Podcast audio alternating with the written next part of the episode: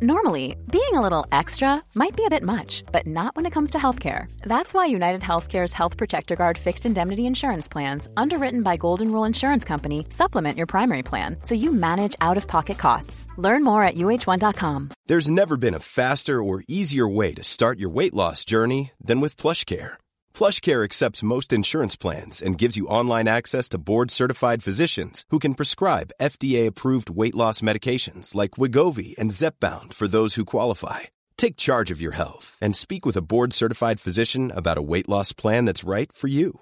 Get started today at plushcare.com slash weight loss. That's plushcare.com slash weight loss. plushcare.com slash weight loss. I'm Sandra, and I'm just the professional your small business was looking for. But you didn't hire me because you didn't use LinkedIn jobs. LinkedIn has professionals you can't find anywhere else, including those who aren't actively looking for a new job but might be open to the perfect role, like me.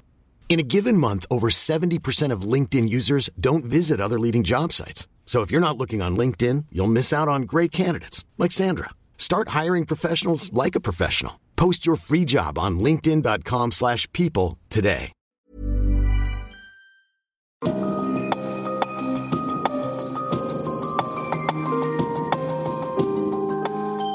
Du lytter til podkast fra Oslo Militære Samfunn. Du finner oss på oslomildsamfunn.no, og ikke minst sosiale medier som Twitter, LinkedIn og Facebook. Generaler, admiraler, gode medlemmer og venner av Oslo Militære Samfunn. Hjertelig velkommen til kveldens foredrag.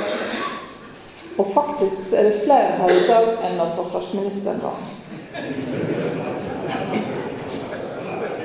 Er så fantastisk flott å se så mange, og det må jo være halve hæren og hele ledelsen her. er. Så til kveldens foredragsholder. Odin Johannessen startet sin militære karriere i infanteri i 1981, og har etter det vært, hatt en mengde med forskjellige jobber. Brei og lang karriere i Hæren, med flere deltakere også i ulike internasjonale operasjoner. Han har bl.a. vært sjef for Krigsskolen, eh, sjef for Brigade Nord, og var der til han våren 2014 ble utnevnt til generalmajor og tok over som sjef for operasjonsavdelingen i Forsvarsstaben. Og 2.10. i 2015 ble han generalinspektør for Hæren. Han vil gi status i Hæren og dele sitt perspektiv på veien framover, og har gitt foredraget tittelen 'Hæren mot ei usikker framtid'. Generalmajor Odin Johannessen, vær så god, talerstolen er din.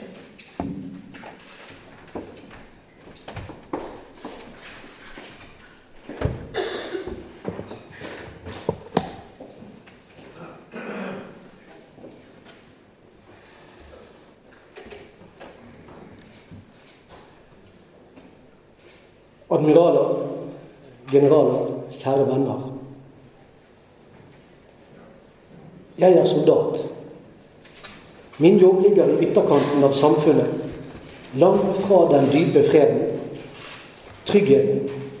Skal jeg sammen med medsoldater kunne fungere og sørge for at samfunnet innenfor overlever?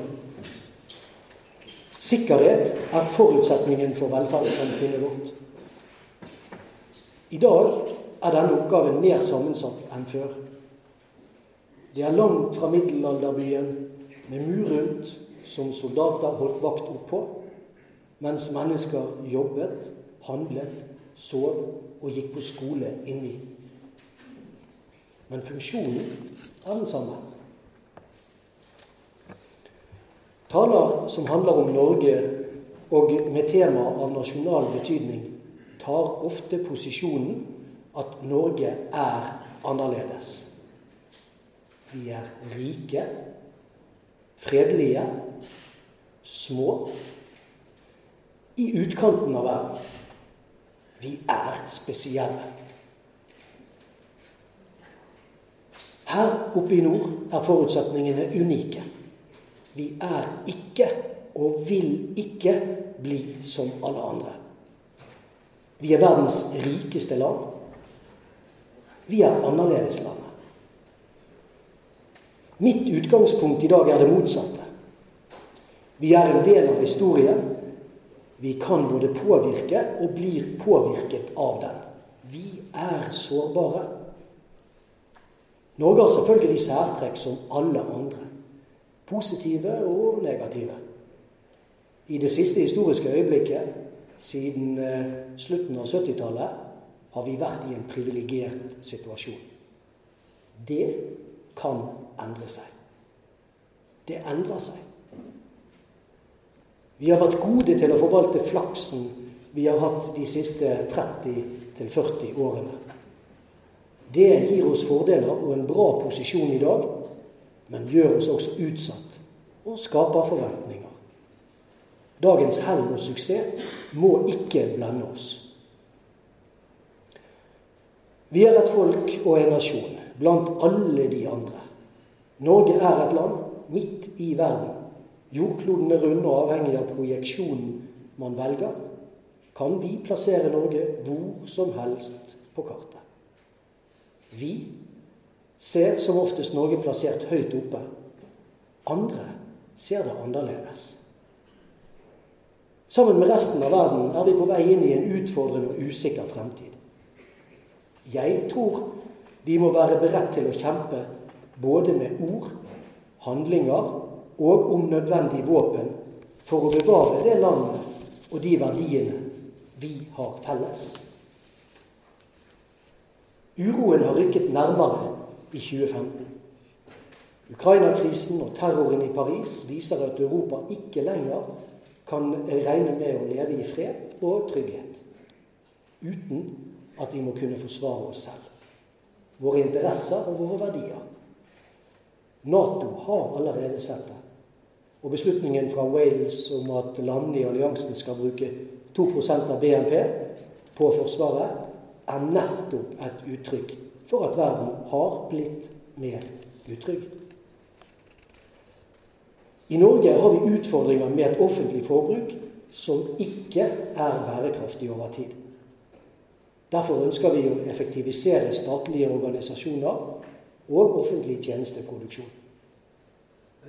Det er selvfølgelig også et ønske om å gjøre Forsvaret billigere og mer effektivt. Det forstår vi som jobber i Forsvaret. Samtidig er det viktig at en effektivisering ikke går utover vår forsvarsevne. Vi skal fornye og forbedre evnen til å forsvare landet vårt, samtidig som vi skal kutte utgifter som ikke gir forsvarseffekt. Hæren har rasjonalisert bort godt over 90% av soldatvolumet siden den kalde krigen. Vi har utviklet oss til noe annet. Dette har hatt dyptgripende konsekvenser. Det meste er bra, men det har også gitt oss utfordringer. Jeg ønsker å heve blikket i dag og komme med mitt synspunkt hva Hæren kan gjøre i dag for å møte det trusselbildet og de utfordringene Norge står overfor nå. Ja, hva står vi egentlig overfor? Det er sagt mye om trusselbildet, og jeg skal ikke her gi en fullstendig oppsummering. Noen forhold må likevel påpekes. Og først vil jeg derfor hevde at selv om mye endrer seg, finnes det fortsatt noen konstanter.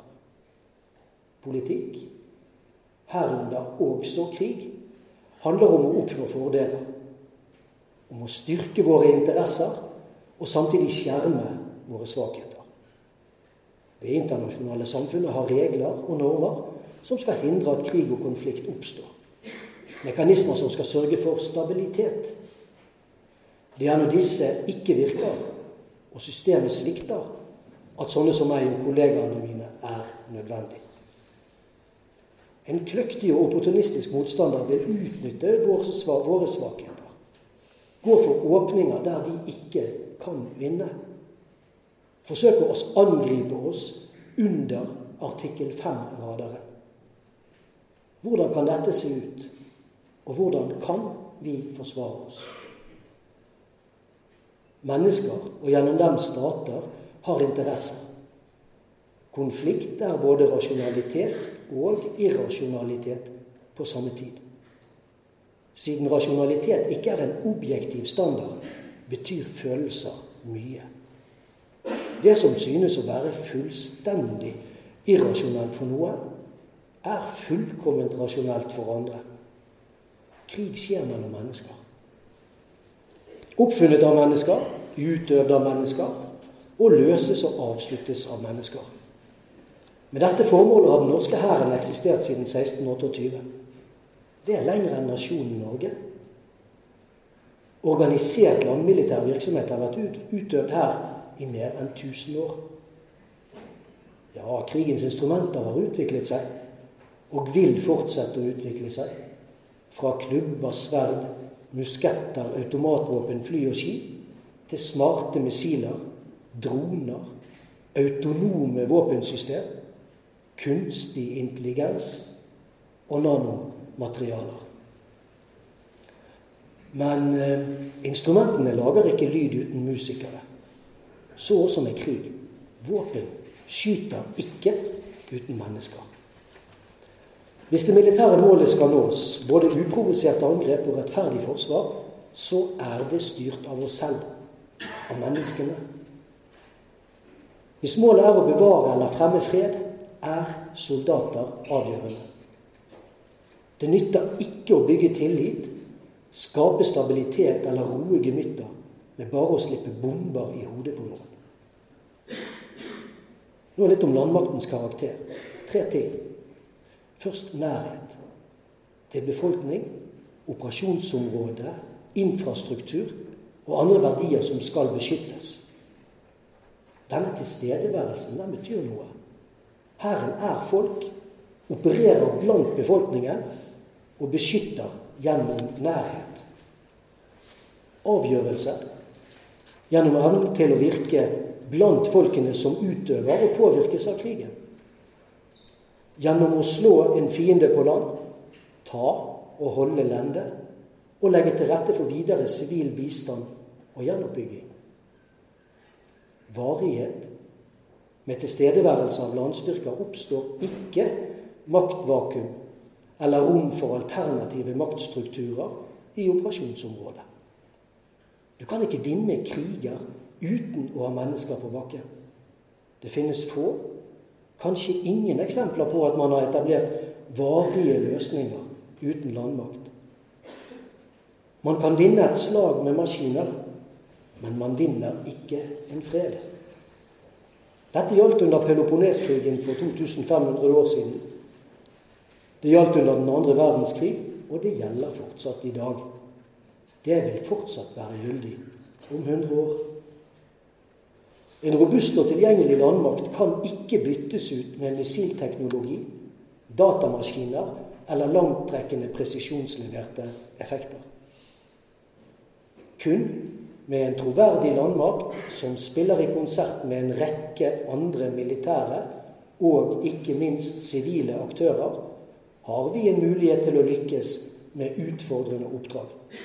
Både innenfor og utenfor landets grenser. Spesielt hvis vi som nasjon på egen hånd skal ha evne til å hevde vår suverenitet. Krig generelt og landstrid spesielt er i sin natur en sosial interaksjon der partene søker å påtvinge sin vilje på motstanderen. Landstriden kjennetegnes ved nærheten til fienden og andre mennesker i operasjonsområdet. Dette gjør at opplevelsene for en fotsoldat i strid i dag ikke skiller seg vesentlig fra det en fotsoldat opplevde under slaget på Stiklestad i 1030. Frykt, utmattelse, friksjon og usikkerhet har preget soldatens virke i uminnelige tider. Uansett hvor mye teknologi vi tilfører våre soldater og avdelinger, så kan vi ikke fullt ut erstatte behovet for soldater som står på bakken og holder et stykke land. Som blant menneskene rundt seg skaper trygghet med budskapet.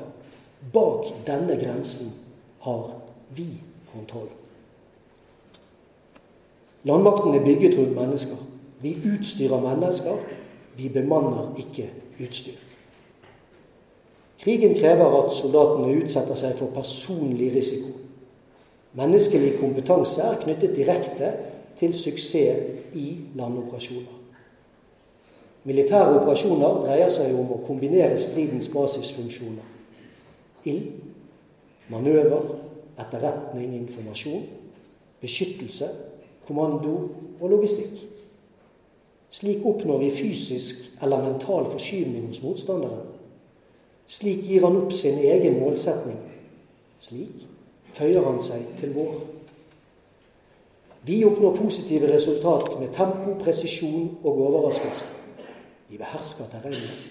Vi finner, vi binder og rammer. Vi legger til rette for fremgang. Vi oppnår avgjørelse. Å drepe og ødelegge kan være, men er ikke nødvendigvis en del av oppdraget. Landoperasjoner er i sin natur komplekse. Faktorer som, faktorer som tid, klima, terreng og egne styrker er forutsetninger som spiller inn på stridsevnen. Dessuten vil alltid de andre aktørene i operasjonsområdet ha betydning. Det høye antallet enheter som må jobbe sammen, og menneskene som opererer systemene, gjør at det tar lang tid å bygge opp full landmilitær stridsevne fra bunnen. Bygges den for langt ned, kan den ikke bygges raskt opp igjen. Samtidig er terskelen for når kapasiteter kan tas i bruk på landjorda, lavere enn for de andre domenene.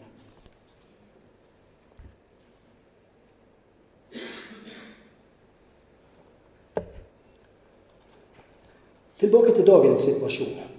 Hva gjør soldater relevant som et politisk verktøy for Norge i dagens komplekse konflikter? La meg fortelle hvorfor soldater fortsatt betyr noe. Hvorfor vi trenger en hær i Norge, vår egen hær, for å møte utfordringene vi står overfor. Det siste først. Er det virkelig mer komplekst i dag enn tidligere? Og hvis svaret på det er ja, hvorfor? Kompleksiteten kommer fra et bredt spekter av kilder. Spillere. Dagens konflikter inneholder et langt større antall spillere eller aktører enn tidligere. Skillet statlige og ikke-statlige aktører er blitt for enkelt. Vi forholder oss til internasjonale selskap, stater, formelle og uformelle organisasjoner, mektige enkeltmennesker og globale interessefellesskap, som alle er i konkurranse om innflytelse og ressurser. Disse er til stede både i den virkelige og den virtuelle verden.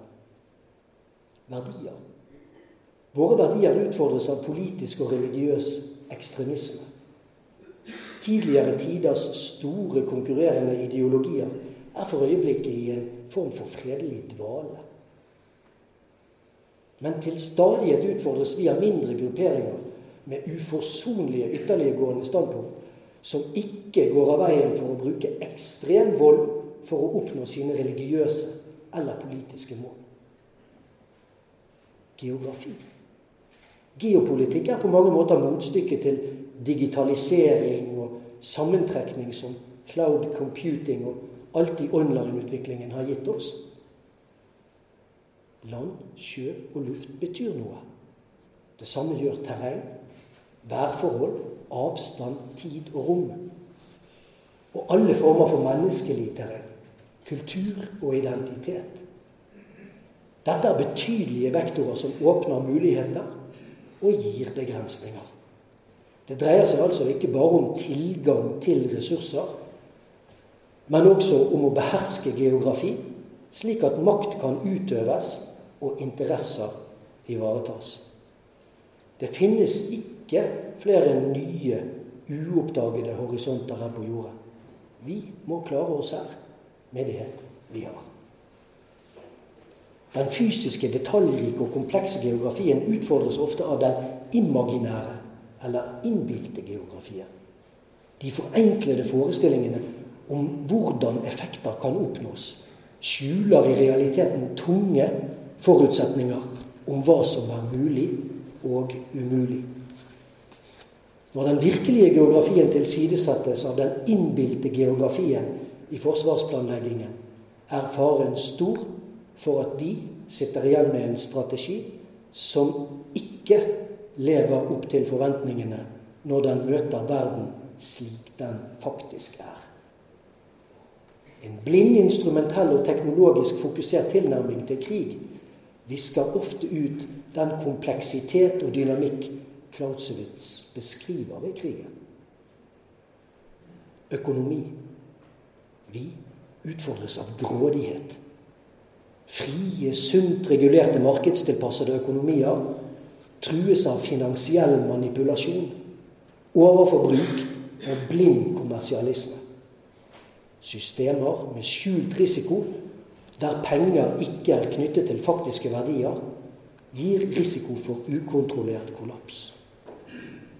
Teknologi Utfordring av etterspørselen for neste generasjon, som skal gi så uendelig mye mer.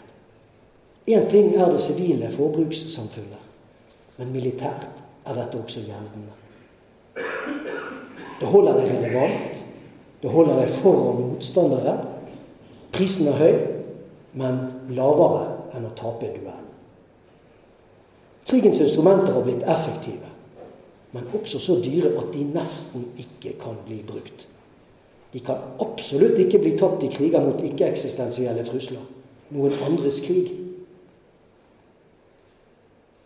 Er det et riktig valg å alltid velge på aller øverste hylle, selv om dette fører til at volumet blir kritisk lavt? Vi må finne balanserte løsninger som er gode nok uten at vi taper før krigen har begynt. Samfunn. Av samtlige styreformer som har eksistert, er demokratiet det beste vi har. Jeg er både villig til å ta liv og ofre mitt eget for å forsvare det. Men vårt fellesskap utfordres også av demokratiet selv.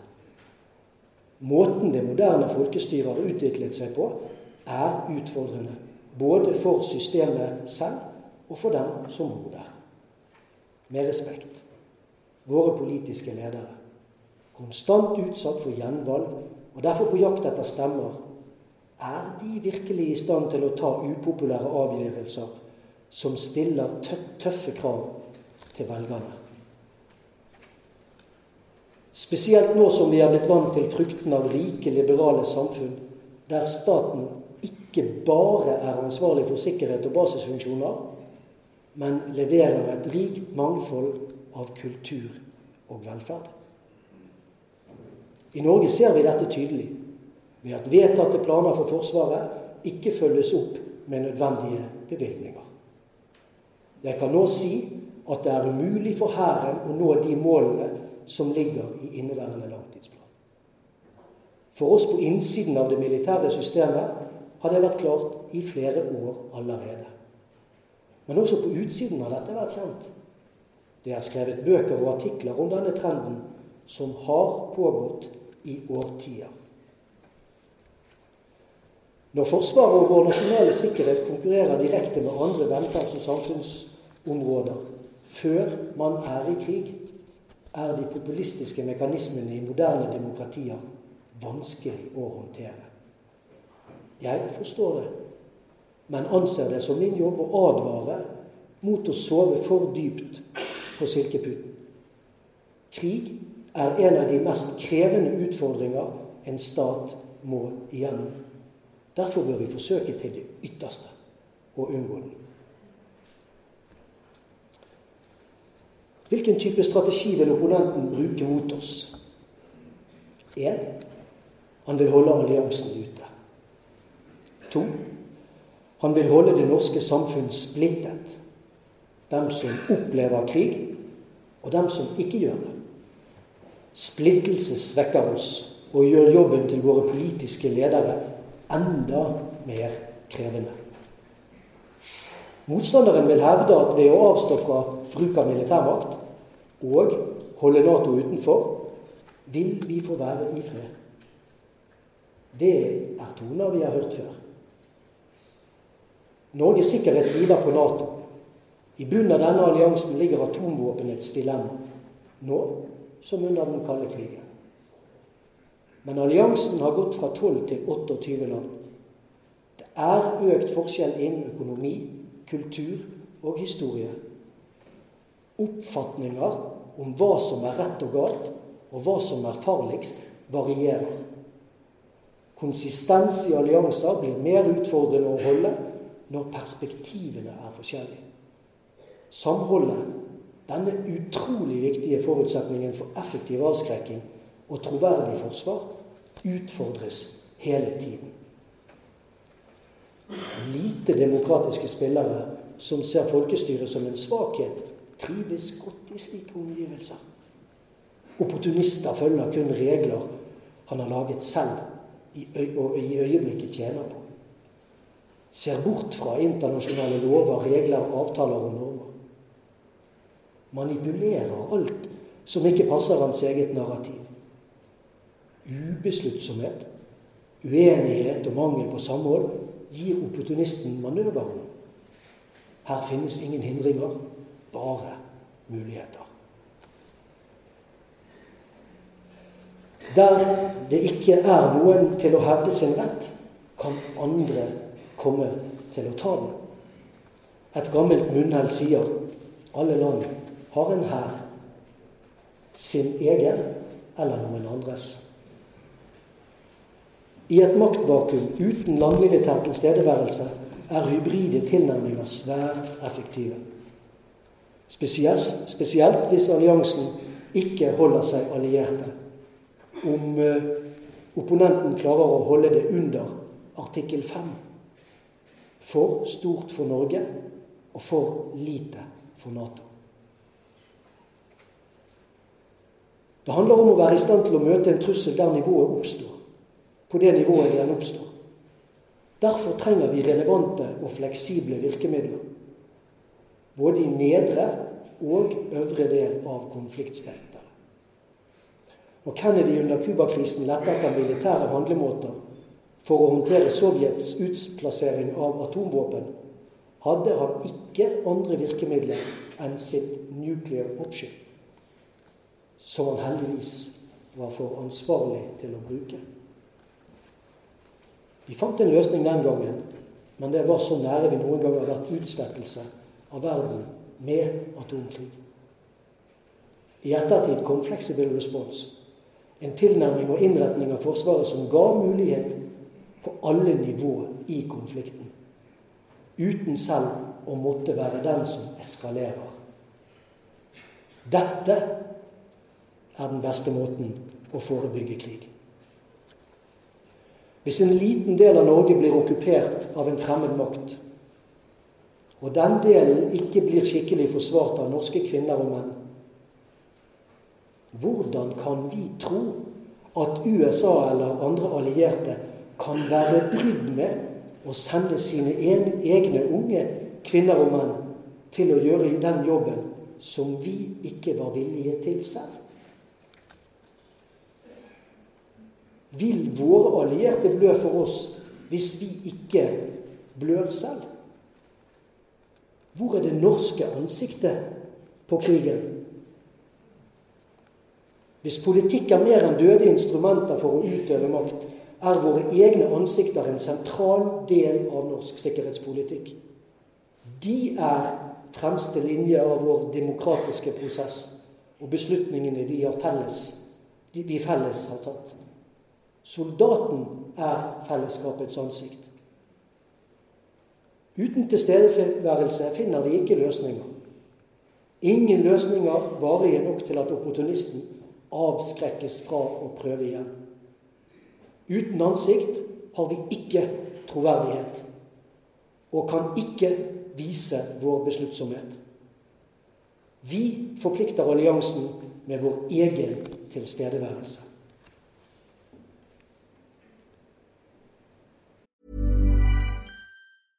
Ryan Reynolds here from Mint Mobile. With the price of just about everything going up during inflation, we thought we'd bring our prices down. So to help us, we brought in a reverse auctioneer, which is apparently a thing. Mint Mobile unlimited premium wireless. Ready to get 30, 30, bit to get 30, bit to get 20, 20, 20, bit to get 20, 20, bit to get 15, 15, 15, 15 just 15 bucks a month. So, Give it a try at mintmobile.com/switch. slash $45 up front for 3 months plus taxes and fees. Promo rate for new customers for limited time. Unlimited more than 40 gigabytes per month slows. Full terms at mintmobile.com. I'm Sandra, and I'm just the professional your small business was looking for. But you didn't hire me because you didn't use LinkedIn jobs. LinkedIn has professionals you can't find anywhere else, including those who aren't actively looking for a new job but might be open to the perfect role, like me. In a given month, over 70% of LinkedIn users don't visit other leading job sites. So if you're not looking on LinkedIn, you'll miss out on great candidates like Sandra. Start hiring professionals like a professional. Post your free job on linkedin.com/people today.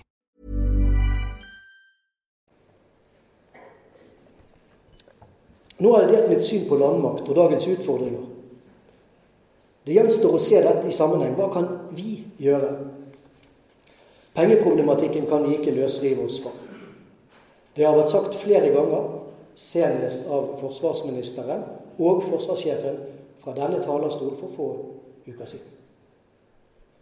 Det er mulig å gjøre mye nå, også uavhengig av både inneværende og neste langtidsplan. Hvem venter passivt på at andre skal løse problemene våre? Vi skal ikke peke på hverandre. Hæren peker på seg selv. Vi skal rasjonalisere og optimalisere Hæren ytterligere. Og vi kommer til å gå radikalt til verks. Vi skal flytte kraften dit det gir mest operativ evne. I militær sammenheng betyr ofte det å prioritere egentlig å ta risiko. Jeg ble kritisert på Aftenposten eh, for noen dager siden for å gi ordre om å droppe sekundærbevæpningen, altså pistolene, som standard. De som har operative behov, beholder selvsagt pistolene sine. Men de andre ikke. I en sunn hær uten økonomiske utfordringer hadde selvsagt alle soldater hatt dobbeltbevæpning. Det gir best fleksibilitet og selvforsvarsevne på enkeltmannsnivå. Bevæpningsplanen ble lagt for flere år siden. Saken ble blåst opp i media. Det forventet jeg ikke. Men når det først ble som det ble, velger jeg å nevne det her. Det var mange feil i den opprinnelige Aftenposten-saken som jeg kommenterte på Kronikkplass dagen etter. Men eh, poenget om et stramt budsjett er gyldig. Herrens driftsbudsjett er redusert med over 50 millioner kroner i år. Andre bindinger i tillegg gir oss over 120 millioner i redusert handlefrihet i 2016. For Hæren har dette konsekvenser. De operative vurderingene rundt bevæpningsplanen er gode. Risikoen ved å fjerne pistoler er liten. Vi frigjør penger som kan overføres til høyere prioritet del av virksomheten. Samtlige soldater er fortsatt bevæpnet for sine oppdrag. Og de som trenger det, har også dobbeltbevæpning. Men tiden krever sparsommelighet som tilnærming der risiko nødvendigvis vurderes opp mot penger. Det er en normalsituasjon i Hæren. For vår profesjon er vurderingen av konsekvens for liv og død en del av kjernekompetansen.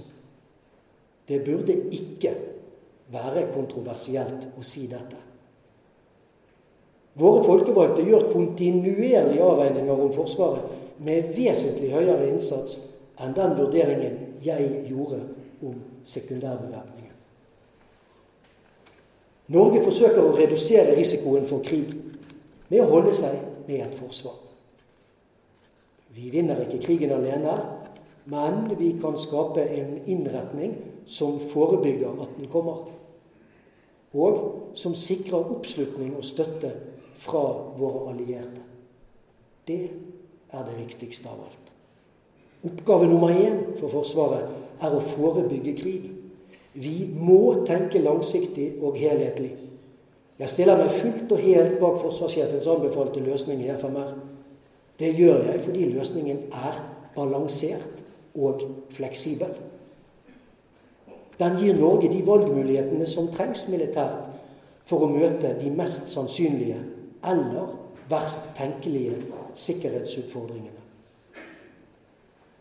Den gir oss ikke absolutt trygghet. Det gjør intet. Men på en rimelig måte veies utfordringene opp mot ressurser. Og ikke minst hva Forsvaret skal beskytte. Og ja, det koster. Mye penger. I konkurranse med eldrebølge, skoler, barnehager og sykehus. Men sikkerhet er også forutsetningen for alt det andre. Det verst tenkelige resultat er at vi ender opp med en bastardløsning på Forsvaret. Med et svakt sjøforsvar og uten troverdig styrke på land, der mennesker bor, trenger vi neppe 52 kampfly heller. Forsvarssjefen tar i FMR til orde for at dersom Forsvaret ikke får tilfelt midlene som trengs for å drifte den anbefalte strukturen, bør vi vurdere å kutte i antallet kampfly. I en anstrengt økonomisk situasjon er det en anbefaling jeg stiller meg bak. Det vil være mulig å realisere mye av den anbefalte strukturen for bl.a. Hæren og Sjøforsvaret dersom et slikt grep gjøres for å kutte kostnader i et 20-årsperspektiv. Forplikter ikke politikerne seg til å finansiere den anbefalte løsningen, faller også forutsetningene for den vektingen av de militære kapabilitetene i den. Relevant og balansert forsvarsevne, både i luften, til sjøs og til lands, er det viktigste skal vi ha et levedyktig og selvstendig forsvar. Hæren er og blir en stående avdeling. Hele Hæren. En stående beredskapsavdeling klar til innsats hjemme. Og fordi vi er det hjemme, kan vi ved behov også brukes ute. Denne evnen vil jeg sikre ved å allerede i inneværende år iverksette tiltak som har som formål å fokusere i den spisse enden. Vi skal dra effekt ut av nye forvaltningssystemer og logistikksystemer. Jeg forutsetter at de virker. Vi skal høste den avkastning disse nyvinningene skal levere, gjennom en ny arbeidsorden. Vi skal dra effekten ut av at vi mottar flere operative oppgaver og myndighet. Hæren skal redusere ledelse, stab og administrasjon i betydelig grad i løpet av 2016. Dette skal vi gjøre sammen med våre ansatte og tillitsvalgte. Vi skal stille kampklare avdelinger. Hæravdelinger som kan fylle deler av våre sikkerhetspolitiske behov i dag. Dette får vi til ved å prioritere operativ virksomhet i alle ledd av organisasjonen. Vi er klare på timer og dager med hele hæren. Ikke uker eller måneder. Soldatene våre er inne til daglig. Enten så er de godt nok trent, eller hvis det nettopp har vært innrykk, så kaller vi inn dem, dem som nettopp er ferdig trente. Finnmark. Vi kan være der med en reell evne i løpet av 2016. Både en forsterkning av grensevakten og en løsning med en solid, fleksibel, mekanisert kampevne i Porsanger. Dette behøver ikke gjøres på en permanent og kostbar måte i første omgang. Og vi utnytter eksisterende infrastruktur. Vi er klare. Brigadeledelsen utøver mobil, fremskutt ledelse av operasjonen og virksomheten. Dette er en kampavdeling og ikke et forvaltningsnivå. Hele hæren, også hærstaben, gis en operativ rolle. Og da vil de nødvendige støttefunksjonene logistikk, forvaltning og planlegging løses derfra. Arbeidsprinsippet med de nye forvaltnings- og ledelsesverktøyene er at arbeidsoppgavene gjøres på ett sted én gang. Ingen hatt over hatt. Det er en luksus vi ikke har råd til. Forvaltningen er tynn i forhold til dagens standard. Men ny teknologi og arbeidsorden gir rom for dette og åpner for å prioritere og være mer robust i den spisse ende. Hva trenger vi? Hæren er midt i en modernisering som må fullføres. Vi har fire hovedmateriellprosjekter som vi er avhengige av, i tillegg til oppdatering av kommando- og kontrollsystemene. De nye CV90-ene er på vei inn i organisasjonen. Dette er en kampvogn som gir oss en evne for fremtiden. Artilleriet vårt er fra slutten av 50-tallet. Og med all respekt det henger sammen med ducktape. Stridsvognene våre, vårt hovedkampsystem, trenger midtlivsoppdatering. Samvirkesystemet på land fungerer ikke uten kampluftvern. Dette er en kapasitet vi ikke har i dag. Til sammen utgjør disse systemene et minimum av det vi trenger for å ha den kampevnen som er nødvendig på land. Politikerne er klar over manglene våre, og vi er på vei mot å bedre situasjonen. Men moderniseringen må i havn. Det eksisterer alternative innretninger på Hæren. Alternativene jeg kjenner til, er ikke alliansetilpassede, baserer seg på teknologi som ikke er utviklet, for kostbare eller bygget på en grunnleggende feil forståelse av menneskets kognitive begrensninger. Å eksperimentere med disse innretningene vil jeg på det sterkeste fraråde. Kompetansen i en hær som vi har i dag, tar årtier å bygge opp. Den kan tas fra hverandre i løpet av måneder. Vi må utvikle oss kontinuerlig, men holde fast ved det som virker. Det som vi og våre allierte vurderer som den beste måten å slåss på. Som forsvarssjefens landmilitære rådgiver sier jeg at vi må beholde evnen til taktisk samvirke på brigadenivå. Vi er på et absolutt minimum i dag for å beholde den evnen. En evne som er skalerbar og kan møte alt fra det som ligger rett over politiets kapasitet, til en fiende med det ypperste av kampvåpen. Fleksibilitet gjennom hele konfliktspekteret er nøkkelen til å være relevant i dag og i fremtiden. Evne til å yte, også i den mest intense enden, er krigsforebyggende. En landmilitær evne handler om å kunne stille fienden overfor et dilemma ved å kombinere forskjellige våpensystemer og tropparter. Stridsvognen gir mulighet til å levere massiv ildkraft på mål som kan ses fra vognen. Kampvognene flytter soldater beskyttet rundt i stridsfeltet. Kampluftvernet beskytter bevegelsen mot trusler fra luften. Artilleriet brukes for å bekjempe fiendtlige mål på ekstra lang avstand, gjerne over fjell, og helst før de møter soldater og stridsvogner direkte. Vi må være mekanisert, for det er det som gir størst fleksibilitet gjennom hele konfliktspekteret. Moderniseringen av Hæren fra forrige langtidsplan var en helhetlig plan. Uten gjennomføring av oppgradering av hovedsystemene i det taktiske samvirket blir kampvognprosjektet til 9,6 milliarder et av århundrets største feilinvesteringer. Hva skal vi gjøre med fulldigitaliserte vogner hvis ikke informasjonen kan deles med dem som trenger den mest? Systemet vil ikke virke. Uten artilleri vil vi møte fienden uten forhåndsbekjempelse.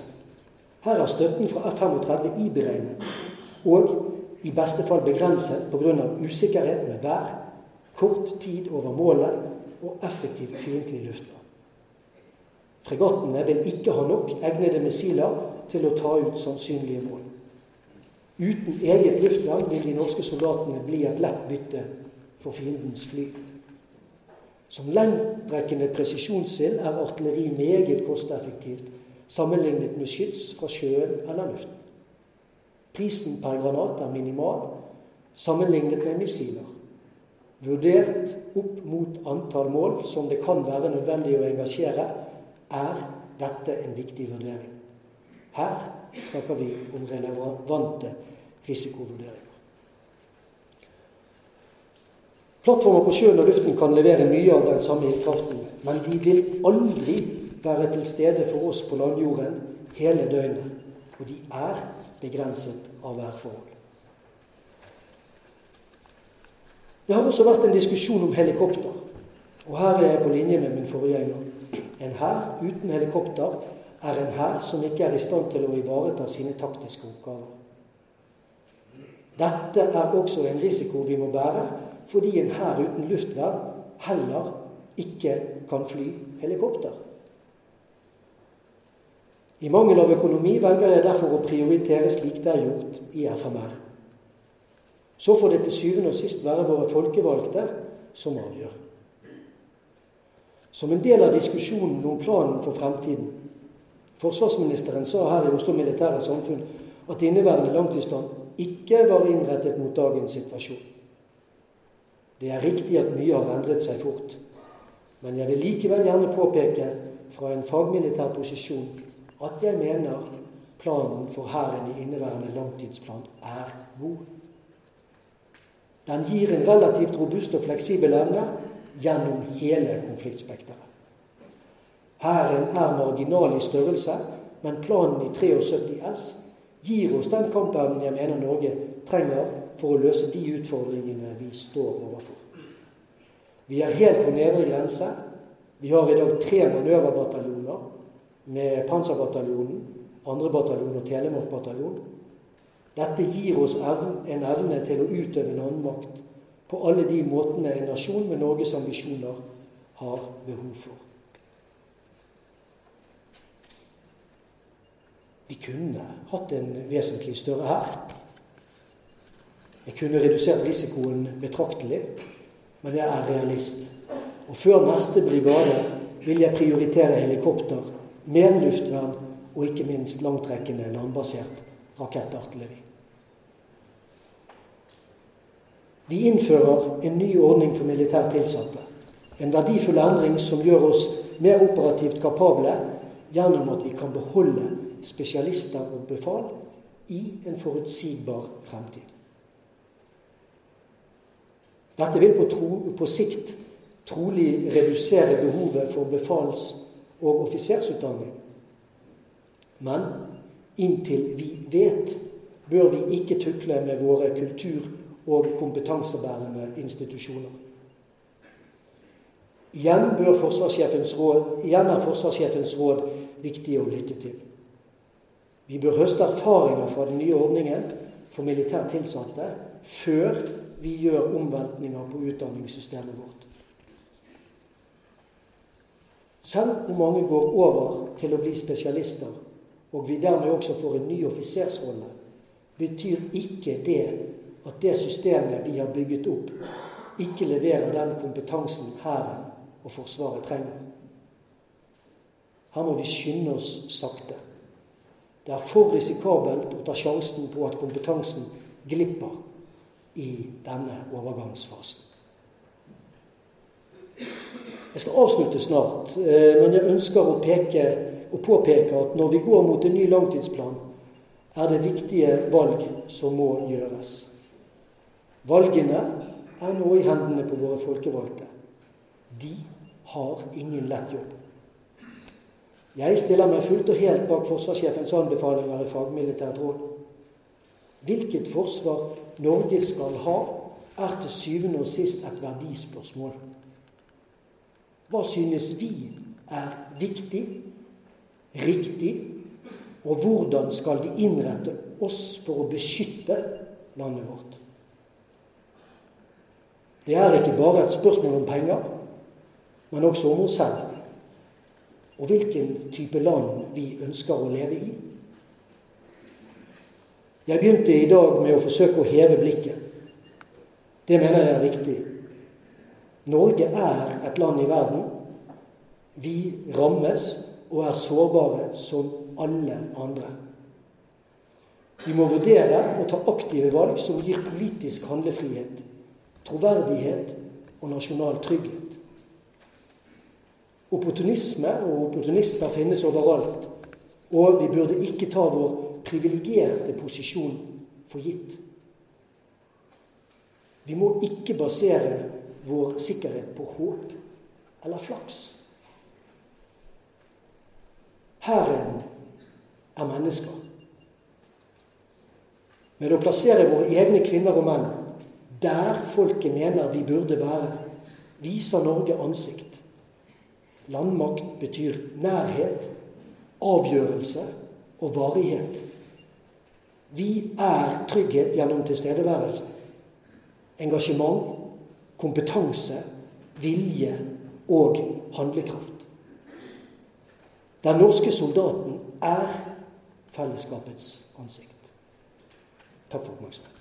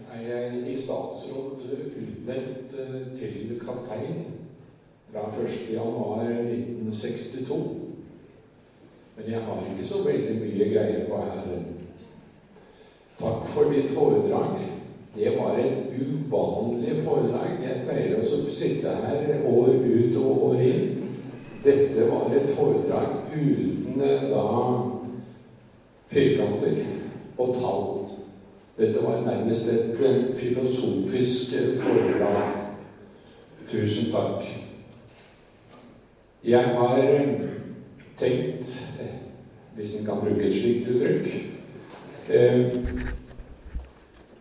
Hva ville, eller hvor stor ville du ha en hær? Du var i din begynnelse inne på Boots on Ground. Jeg var et år sammen med US Marines. De brukte det uttrykket, selvfølgelig. Hvor stor vil hæren, mener du hæren bør være? I tall.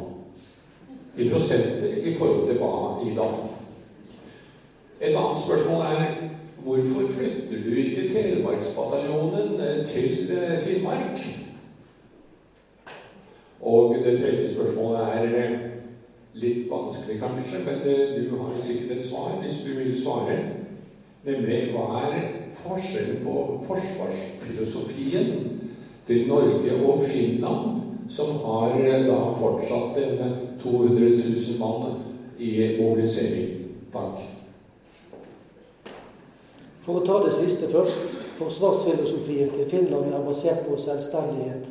Vi er medlem i en allianse, og det har betydning. For å ta spørsmål nummer to, eller det midterste spørsmål, hvorfor vi ikke flytter Telemark bataljon til Finnmark. Fordi jeg ikke vil be om fem milliarder i utvikling av infrastruktur i Finnmark, som vi har på Rena. Da må vi kunne finne moderne løsninger på vår hær, slik at den kommer i posisjon hurtig nok. Og eh, så til det første spørsmålet ditt om hvor stor hæren bør være. Jeg vil sikre at vi har en hær som er i tråd med det forsvarssjefen anbefaler i sitt fagmilitære råd. Det betyr i realiteten en brigade på rundt 5000 soldater med tilhørende kampsystem. I tillegg så skal vi forsterke grensevakten ganske betydelig ved at den avdelingen ikke lenger bare gis oppdrag som grensevaktavdeling, men også kan gjennomføre kampoperasjoner om det skulle bli nødvendig. Herunder utnytte samvirkemidlene eh, fra luften og andre forsvarsgrener, inklusive Hærens egne våpen og ressurser. Det skulle vel være svaret på det.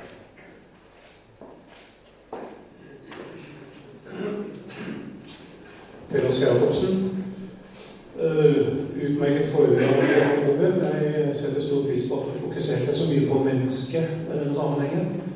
Det har vært en del floskler i forbindelse med menneskeorganisasjonen tidligere. Det gjorde ikke du. Du syns du satte det veldig bra på plass. Som uh, tidligere rusmann og jagerflyver i ca. 40 år, så har jeg fløyet dette landet på kryss og tvers i alle mulige sammenhenger. Dårlig vær, godt vær og alt det der. Og en ting som jeg alltid har vært forundra over, er at uh, hæren ikke har blitt prioritert med større vertikal mobilitet. Og da snakker jeg ikke om 412 SP. Jeg snakker om helt andre kapasiteter. Og nå er dere blitt så små etter hvert at jeg kan ikke se annet enn at uh, Dere har enda større behov i dag enn dere noen gang har hatt. Kan du kommentere det litt ytterligere utover det lille du sa i foredraget om Ja, jeg kan være med på at eh, vi burde ha en større eh, vertikal mobilitetsevne enn det vi har i dag. Og eh, vi burde kunne flytte kanskje større porsjoner samtidig av denne lille hæren som vi har igjen. Men som jeg påpekte, det er veldig viktig for meg å være edruelig i hva jeg ønsker meg, og jeg forstår at det er vanskelig å påvirke Eller det er vanskelige valg politikerne må gjøre.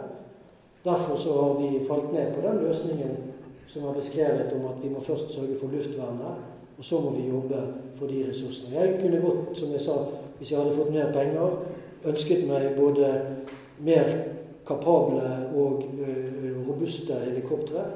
Men jeg er meget glad for at jeg i det hele tatt har noen 412 å spille på. Så det er nøkternhet og sparsommelighet som vil prege mitt svar, sett opp imot alt annet i denne sammenhengen. Jeg tror ikke det sender meg her folk tør å spørre sjefen sin om noe som helst. Her står ikke her folk er ingen som får. Det er mange.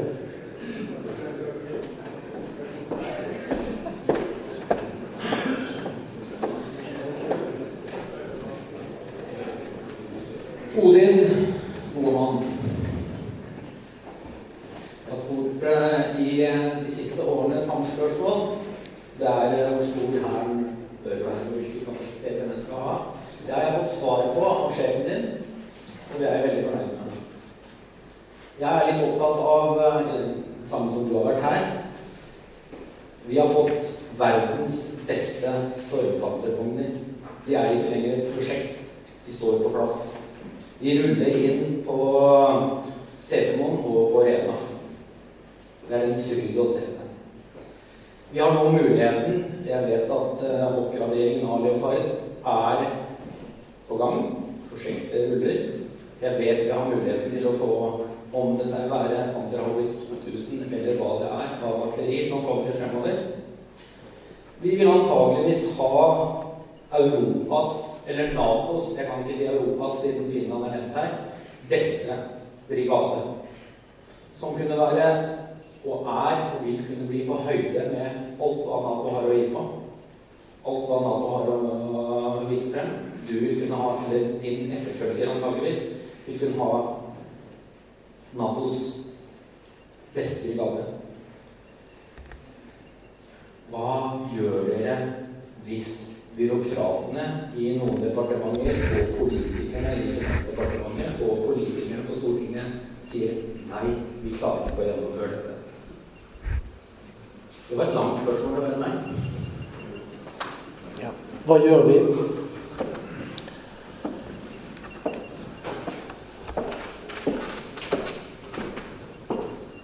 Som jeg har indikert i foredraget, så er det landmilitære taktiske samvirkesystemet det som gir en effekt. Og gjennom å se på oss selv så prøver vi etter beste evne å vise at ja, vi forventer ikke at alle andre skal levere til oss, men at vi også klarer å gjøre noe selv. Når det kommer til stykket, et stykke nedover den veien, så står vi igjen overfor et valg om vi skal ha en landmilitær evne. Jeg har allerede sagt så mange ganger nå at vi er på et minimum. Jeg mener vi ikke har noe eh, å gå på når det gjelder akkurat denne landmilitære evnen. Så hvordan diskusjonene vil arte seg om dette ikke blir ressurssatt, jeg har ikke lyst til å gå noe videre inn på det nå, fordi at det er mange forutsetninger jeg ikke har redegjort for her. og Hvis jeg skal begynne å forskuttere det, så er ikke det seriøst på noen som helst måte. Vi avventer med spenning det som det kommer, at jeg kommer til å levere inn hatten min og gi opp oppgaven. Det kan jeg garantere at, dere, at jeg ikke kommer til å gjøre. Hvordan skulle det tatt seg ut i krig? Hæ? Stukket fra oppgaven midt på vakten kommer ikke til å skje. Så ja, vi skal finne en løsning, og ja, vi skal være tydelige. Og så må vi verne om den operative enden. Det har vi tenkt å gjøre. Jeg kan ikke være mer presis nå, beklager. Men.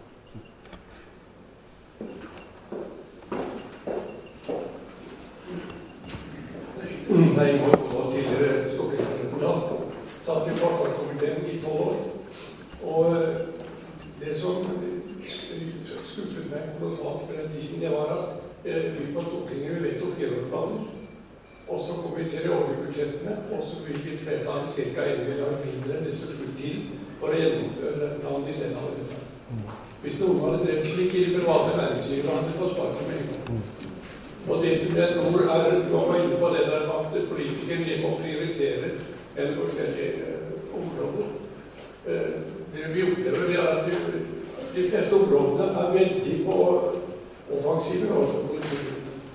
Jeg syns vi ser den altfor tause. Jeg vet ikke om det kommer av en slags lojalitetsfølelse eller hva det er, men det må gå mye hardere ut, både i mediene og i overfor politikerne. skal de få inn.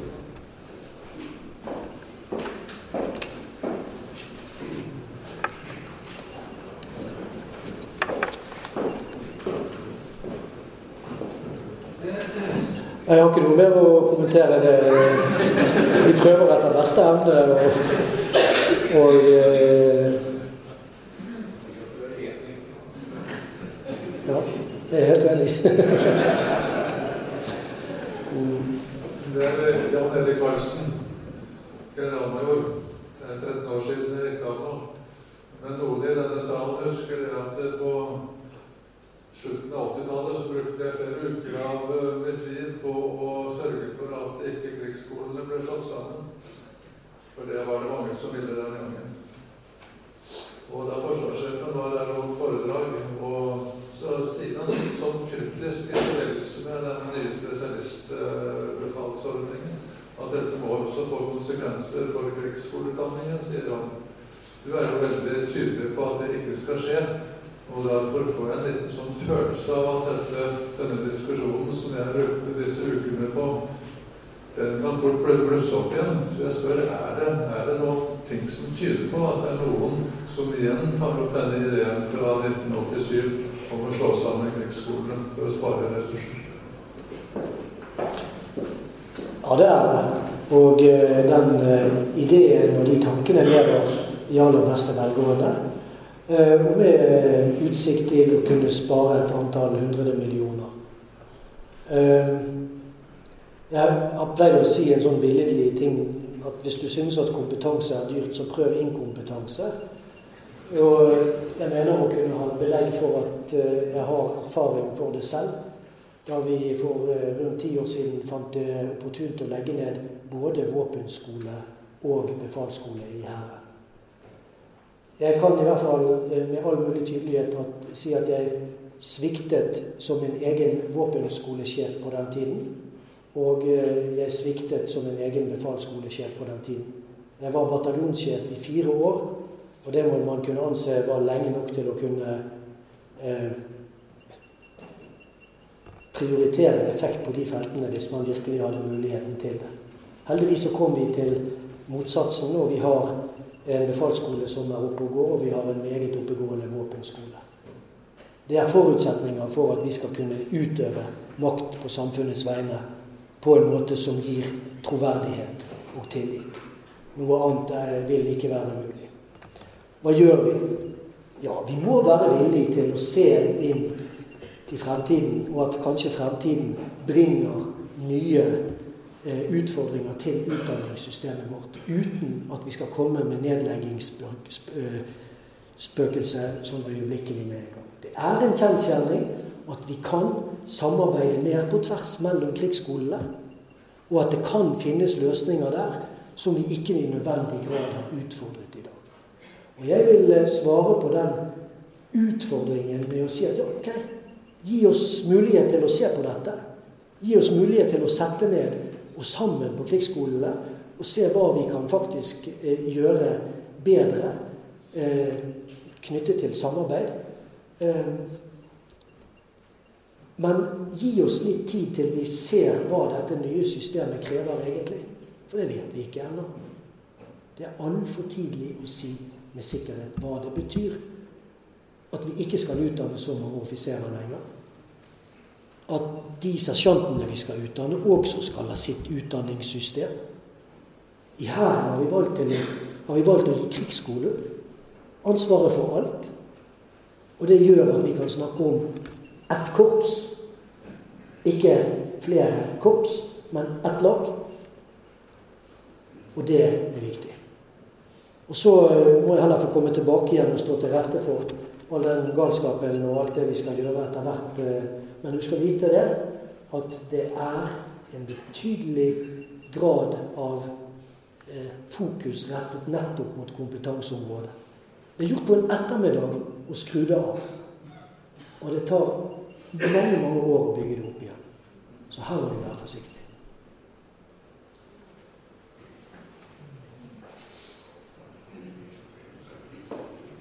Jeg har jo flere på lista mi enn altså, man syns det er noe oversett som dere gir beskjed om.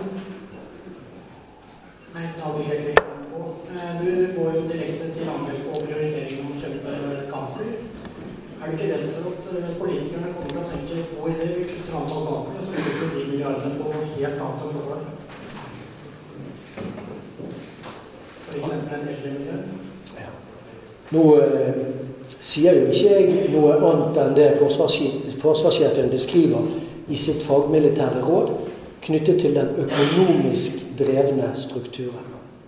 Altså den strukturen som baserer seg på at det ikke blir gitt mer penger eh, til et eh, forsvar som trenger mer penger. Det er ikke noe forskjell i det jeg sier. Det ser på side 74 i forsvarssjefens fagmilitære råd. Der står akkurat det jeg har sagt.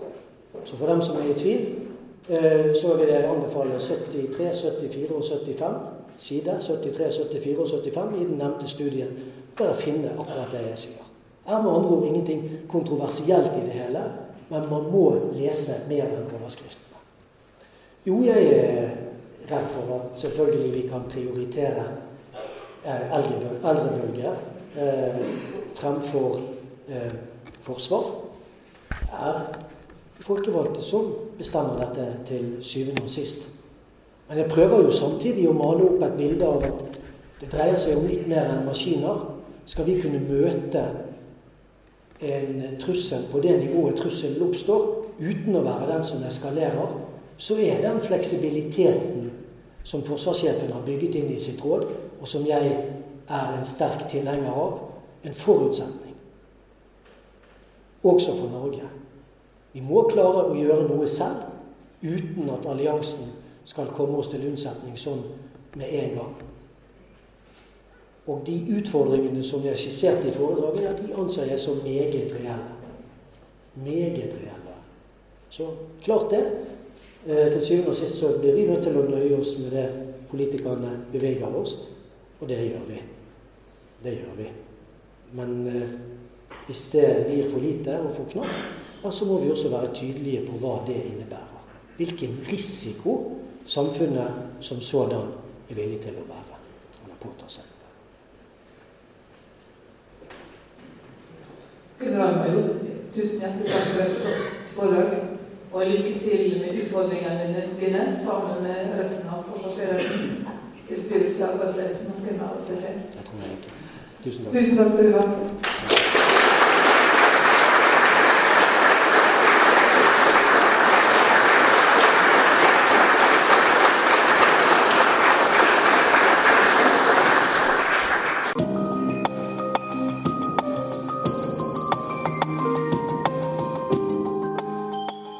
Hørt podkast fra Oslo Militære Samfunn.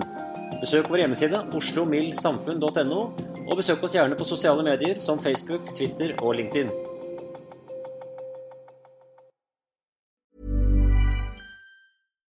Deserves the best, and there's no better place to shop for Mother's Day than Whole Foods Market. They're your destination for unbeatable savings, from premium gifts to show-stopping flowers and irresistible desserts. Start by saving 33% with Prime on all body care and candles. Then get a 15-stem bunch of tulips for just $9.99 each with Prime. Round out Mom's menu with festive rosé, irresistible berry chantilly cake, and more special treats. Come celebrate Mother's Day at Whole Foods Market. Hi, I'm Daniel, founder of Pretty Litter. Did you know cats tend to hide symptoms of sickness and pain? I learned this the hard way after losing my cat, Gingy. So I created Pretty Litter, a health monitoring litter that helps detect early signs of illness by changing colors, saving you money and potentially your cat's life. Pretty Litter is veterinarian developed, and it's the easiest way to keep tabs on your fur baby's health right at home. Go to prettylitter.com and use code ACAST for 20% off your first order and a free cat toy. Terms and conditions apply. See site for details. Planning for your next trip?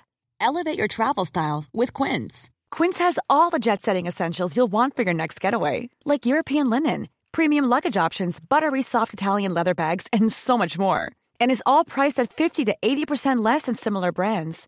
Plus, Quince only works with factories that use safe and ethical manufacturing practices. Pack your bags with high-quality essentials you'll be wearing for vacations to come with Quince. Go to quince.com slash pack for free shipping and 365-day returns.